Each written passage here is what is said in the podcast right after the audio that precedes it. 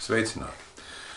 Ir aizvadīta Dekamerona pirmā diena un sākas otrā, ir jauna karaliene, un mēs turpinām sēdēt mājās un lasīt.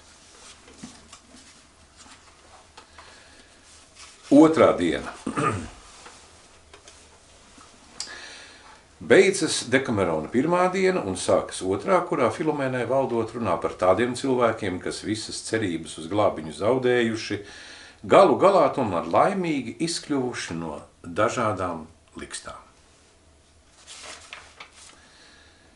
Saule ar savu gaismu jau visur bija atnesusi jaunu dienu, un ausīm par to liecināja putnu jaukā dziedāšana zaļajos zaros, kad visas dāmas un trīs jaunekļi piecēlušies devās savos dārzos un ilgu laiku lēniem soļiem pastaigājās šurp un turp par asoto zāli, vīdam skaistus vainagus.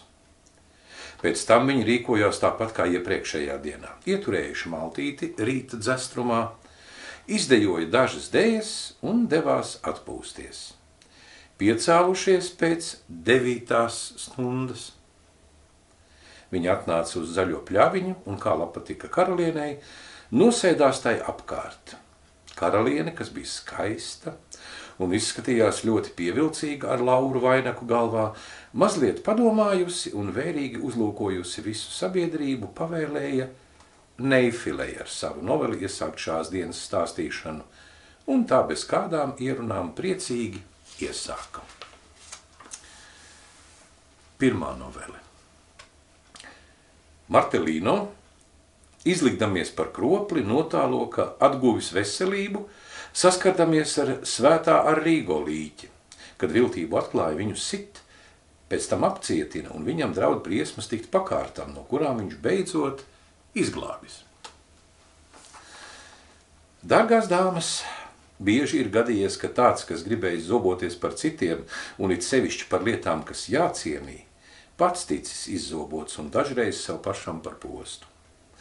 Paklausot karalienes pavēlēji un ar savu stāstu sākot noveles par doto tematu, esmu nodomājis jums pastāstīt kādu sākumā kļūmīgu notikumu, kas norisinājies ar kādu mūsu pilsētas iedzīvotāju un beidzies viņam pavisam negaidot ļoti laimīgi. Pirms nedaudz gadiem Trevīzo pilsētā dzīvoja kāds vācietis vārdā Arrigo – kurš būdams nabadzīgs vīrs nesa nastas par maksu katram, kas vien prasīja, un turklāt visi uzskatīja viņa dzīvi par dievbijīgu un krietnu.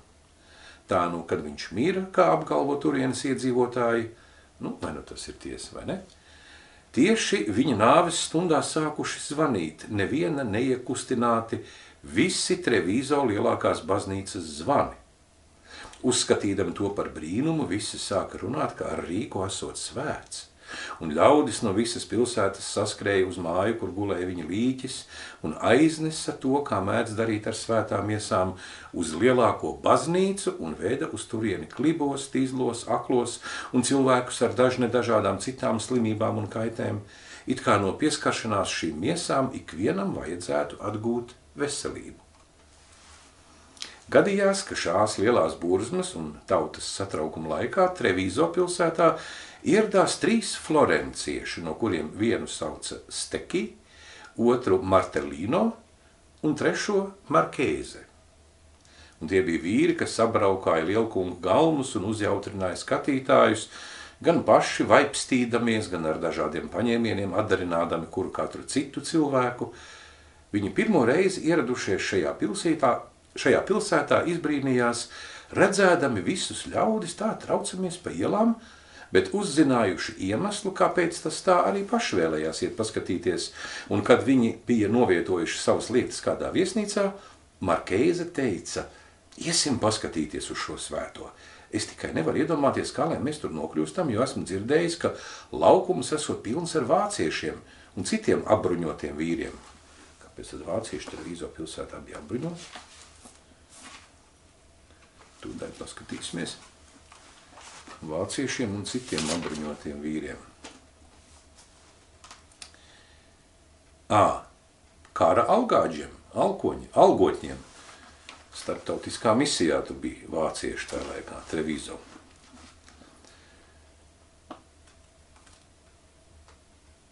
Tātad laukums esot pilns ar vāciešiem un citiem apbruņotiem vīriem, kurus tur nostādījis šīs pilsētas signors, lai novērstu nekārtības. Turklāt, kā runā baznīca, esot tik pilni ļaužu, ka tanī gandrīz neviens vairs nevarot ieiet. Tad Martelīno, kas gribēja visu redzēt, sacīja, lai tas mūs neattur, es atradīšu līdzekli, kā nokļūt līdz svētajām miesām. Kādā veidā? vaicāja Markēzi. Martelīno atbildēja, es tev to izstāstīšu. Es, tai, es iztaisīšos par kropli, un tu no vienas, bet stekī no otras puses mani atbalstīsit, itin kā, kad es pats nevarētu paiet, un izliksieties, ka gribat mani vest pie svētā, lai tas mani izdziedinātu. Nebūs neviena, kas mūs redzētams, neatbrīvotu mums ceļu un neļautu iet. Markēzēm un Stekī patika šis plāns, un bez kavēšanās atstājuši viesnīcu, Visi trīs nonāca kādā vientuļā vietā, kur Martelīno tā izšķobīja plaukstas, pirkstus, rokas, kājas, tāpat muti, acis un visu seju, ka briesmīgi bija viņu uzlūkot, un nebūtu neviena, kas viņu redzējis, nesacītu, ka viņš patiešām ir gluži kroplis un tizls. Atbalstot viņu tā izkropļojušos, Markēze un Stekī dievbīgā izskatā virzījās uz baznīcu, pazemīgi lūgdami katru, kurš gadījās tiem priekšā, dieva dēļ atbrīvot ceļu, ko tie viegli panāca. Visu ievēroti un no visām pusēm skanot saucieniem, dodiet ceļu, dodiet ceļu, tie ātri sasniedz vietu, kur gulēja svētā ar Rīgo mirstīgās atliekas, un daži dišciltīgie, kas tur apkārt stāvēja, tūliņ paņēma Martelīno un uzlika viņu uz līķa, lai viņš tādā veidā iemantotu veselības svētību. Kamēr visa tauta uzmanīgi skatījās, kas ar viņu notiks, Martelīno, mazliet pagulējis uz svētām iesām, sāk izlikties kā jau cilvēks, kas to ļoti labi prata, ka var atkal izstiept vienu pirkstu, tad plaukstu, pēc tam roku un beidzot visu ķermeni. To redzēdama tauta sacēla tādu troksni, slavējot svēto ar Rīgo, ka nevarētu sadzirdēt pat pērkona dārdus. Tur tuvumā nejauši atradās kāds florencietis, kas ļoti labi pazina Martelīno. Bet tā izkropļot, kādu viņš še ieveda, nebija pazinis.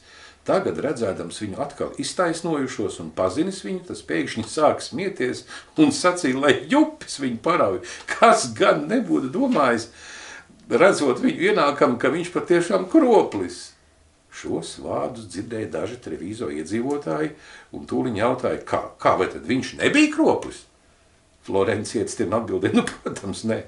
Viņš, paldies Dievam, vienmēr bijis tikpat taisns kā ik viens no mums, bet kā jums bija izdevība novērot viņš labāk par jebkuru citu, prot šo ākstīšanos iztaisīties, par ko vien vēlas. Līdz ko apkārtējie to izdzirda, tiem vairāk nekā nevajadzēja. Tie ar varu lauzās uz priekšu, skaļi kliegdami, ņemiet ciet šo nodevēju dieva un svēto zaimotāju, kas nebūdams tīzls par tādu izlikdamies, atnācis šurp, lai ņirgātos par mums un mūsu svēto. Un tā runādami tie viņu sagrāba un nogrūda zemē, un saķēruši viņu aiz matiem un noplāsuši viņam visas drēbes no muguras, sāka viņu sist ar dūrēm un spārdīt kājām, un nebija neviena, kas uzskatīdams sevi par goda vīru nesteigtos to darīt. Martelīno sauca Dieva dēļ žēlastību! Un atgāņājās cik spēdams, bet viss velti pūlis ar vien vairāk un vairāk mācās viņam virsū. To redzēdami Steki un Markēzi sāka savā starpā runāt, ka nu pat vairs nav labi. Taču baidīdamies paši par sevi neiedrošinājās viņam palīdzēt, un tie kopā ar citiem sauca, ka viņu vajagot nosist, lai gan paši visu laiku prātoja, kā varētu izraut Martelīno no pūļa rokām, kas viņu noteikti būtu nogalinājis, ja Markēzem neienāktu prātā kāds līdzeklis, ko tas nekavējoties izmantoja. Tā kā ārā atradās visas signorijas sardze, Markēze cik ātri varēdams devās pie podestas. Nu, kas tad ir tā podesta?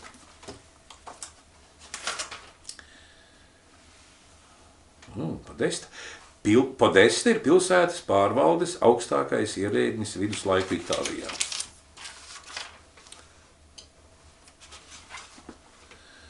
Pie podestas, lā, pie podestas vietnieka. un teica, palīdziet Dievu dēļ, šeit ir kāds nelietis, kas man nogriezis naudas maku ar simt zelta florīniem. Es jūs lūdzu saķeriet viņu, lai es dabūtu atpakaļ savu naudu. To izdzirduši 12 sarkareivi tūlīt skrēja turp, kur nabaga Martelīno tapa sukāts bez sukas, un ar vislielākajām pūlēm pasaulē izlauzušies cauri ļaužu drūzmai, izrāva viņu no tautas rokām, pavisam salauzītu un samīdītu, un aizveda uz pilsētas pārvaldi, uz kurien viņam sekoja daudzi – kas jutās viņa izsmieti, un kad tie izdzird, ka viņš saķerts kā naudas maku zaglis, tiem šķita, ka grūti būtu atrast kādu citu vēl pamatotāku ieganstu, lai viņam atrieptos, un ik viens sāka teikt, ka Martelīno tam nogriezis naudas maku. To dzirdēdams podestas tiesnesis, kas bija bargs vīrs, nekavējoties noveda viņu sāņus un sāka izjautāt par notikušo bet Martelīno atbildēja jokodams, itin kā, kad viņš uzskatītu šo apcietināšanu par niekošanos, kādēļ tiesnesis sadusmojies pavēlē viņu piesiet pie moku virves un pāris reižu viņam sadot krietni, lai piespiestu atzīties visā, ko par viņu teica, un tad pakārt. Pēc tam, kad viņš bija nolaists zemē, tiesnesis viņam jautāja, vai tas ir savu taisnība, ko ļaudis pret viņu liecinot, un Martelīno, redzēdams, ka nav nozīmes liekties, sacīja, mans kungs, Esmu gatavs jums atklāt patiesību, bet lieciet katram, kurš mani apvaino, pateikt, kad un kur es viņam nogriezu naudas maku. Un es jums pateikšu, ko esmu darījis un ko ne. Labi, tiesnesis atbildēja un lika dažus no tiem pasaukt. Viens teica, ka nauda viņam nozagta pirms astoņām dienām, otrs, ka pirms sešām, trešais pirms četrām, un daži apgalvoja, ka šodien. To dzirdēdams Martelīno sacīja, mans kungs, Viņi visi nekaunīgi melo. Un es varu jums pierādīt, ka runāju patiesību. Tā es arī agrāk nekad nebūtu nonācis šajā pilsētā.